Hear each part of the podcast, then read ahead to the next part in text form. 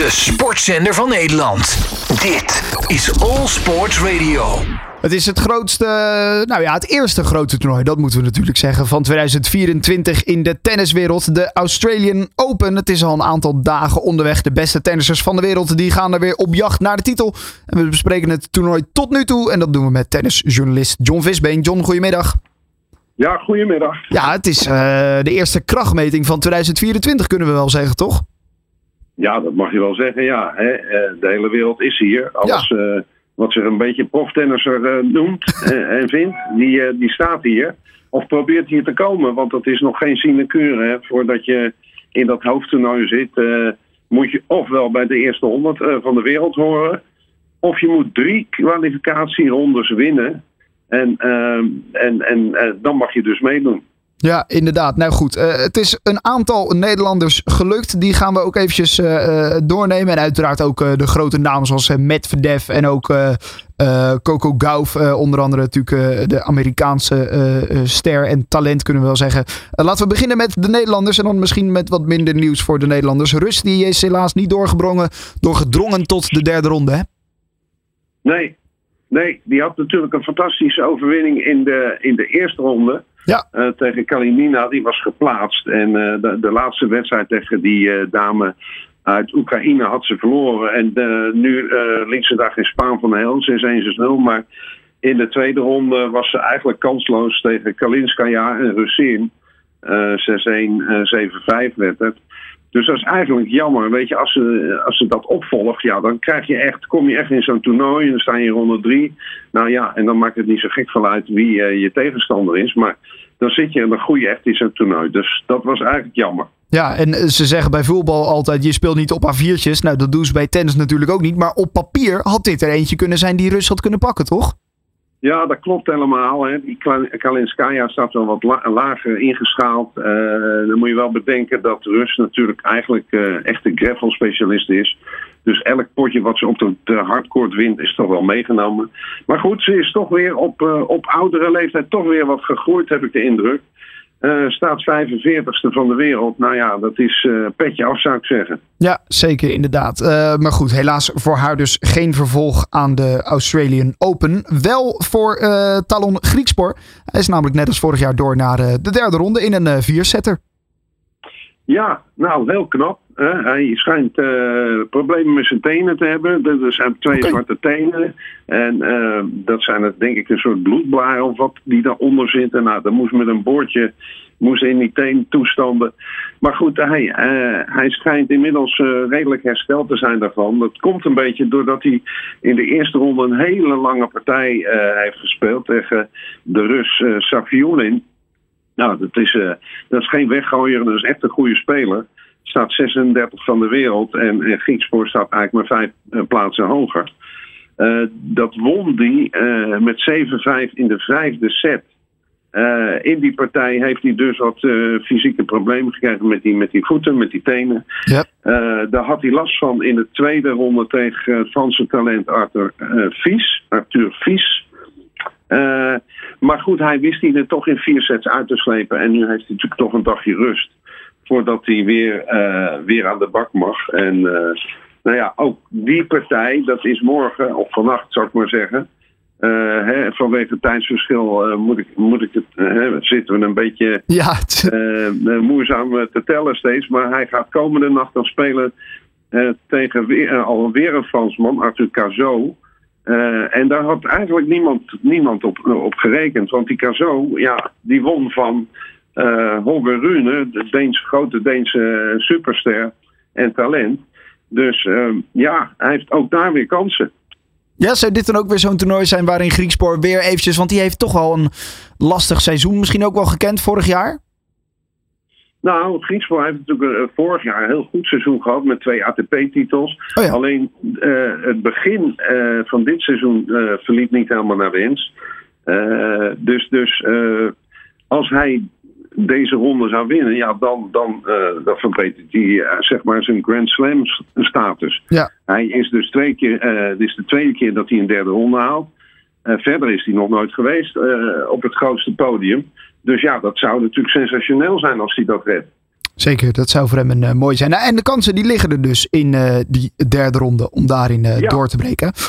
je had het net over lange wedstrijden, maar ze eindigen soms echt in de nachtelijke uurtjes. Hè? Om, om half vier s'nachts volgens mij was het dat Medvedev met nou ja, de nodige moeite zich plaatste voor, voor de derde ronde op de Australian Open. Dat had ja. eventjes wat voeten in de aarde. Ja, dat mag je wel zeggen. ja. hij, uh, Tom, hij had het een beetje aan zichzelf te wijten. Want hij stond in het begin tegen die Finn, Rusu Gori. Uh, nou, niet echt uh, goed te tennissen. Hij keek steeds naar zijn coach van nou, wat moet ik doen en waarom gaat het niet? En ik snap er niks van. Ja, en toen werd het later en later. En toen moest hij natuurlijk, toen hij 2-0 achter stond in sets, moest hij nog drie sets winnen. En dat deed hij uiteindelijk. Maar ja, het was hij gaf om vier uur uh, lokale tijd. In de ochtend gaf hij nog, gaf hij nog een uh, persconferentie Tja. op de baan.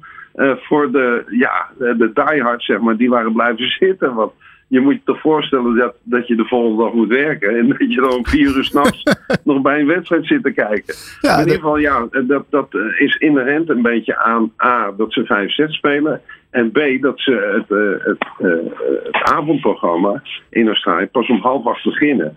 Dus als je dan de tweede partij bent gepland, ja, en je begint uh, om tien uur of om elf uur.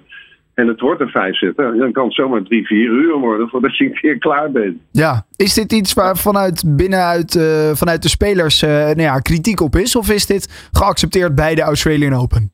Nee, nee, dit, dit is uh, een heikel punt. Hè. Daar zijn ze al een aantal jaren mee over aan het steggelen en stoeien. Ja. En de ATP die heeft nu regels ingesteld dat dat niet meer, en dat gaat ook voor Rotterdam straks het ABN AMRO open gelden. Ja.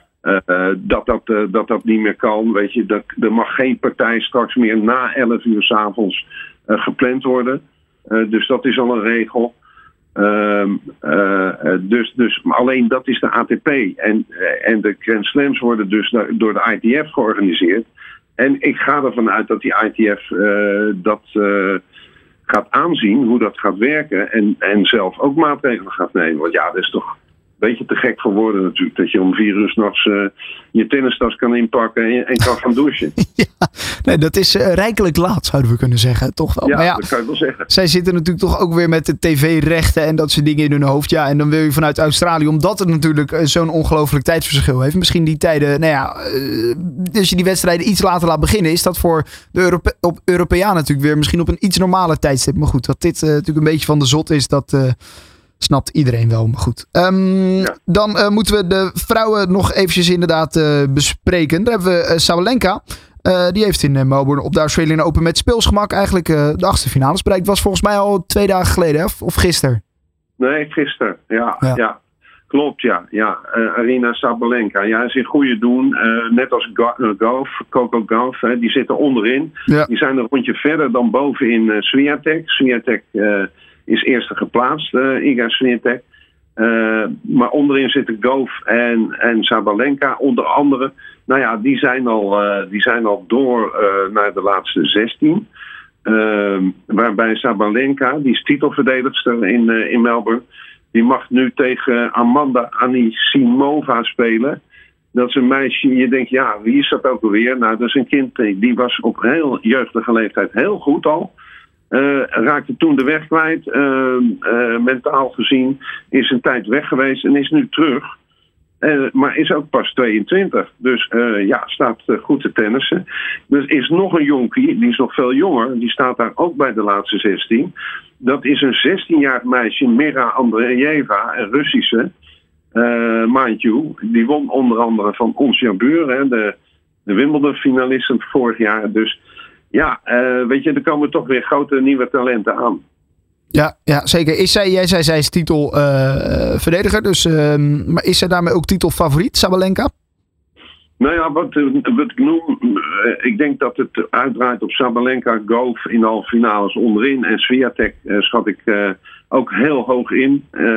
is het hele jaar al goed bezig, maar die zit in de andere helft. Ja. en wie daar ook bij, bij hoorde was die Ribakina ja, die heeft, uh, die heeft verloren. Uh, die is nummer drie van de wereld, zeg maar. Die, uh, die heeft verloren. En dat deed ze in de langste tiebreak ooit. Dat was 7-6 in de derde set met een tiebreak van 22-20. En ze heeft zelf zeven matchpoints gehad. En haar tegenstander Blinkova die had het liefst tien en de tiende was raak. Dus dat is ook een, eh, een aardig kermisnummer geweest, mag je wel zeggen. Ja, die, die wedstrijd heeft ook wat lang geduurd. Nou, die heeft ook voor, zeker voor een dameswedstrijd uh, heel lang geduurd. Ja, klopt. Ja, ja, ja inderdaad. Uh, goed, dat dus inderdaad voor het, uh, het damestoernooi.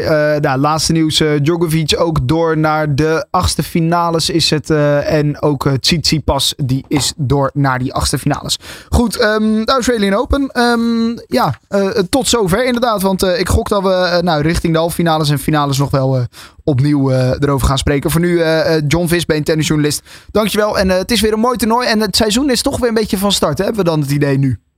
Dat mag je wel zeggen. Helemaal. Dus helemaal los. Daarom de Australian Open. Alle sporten van binnenuit. All Sport Radio.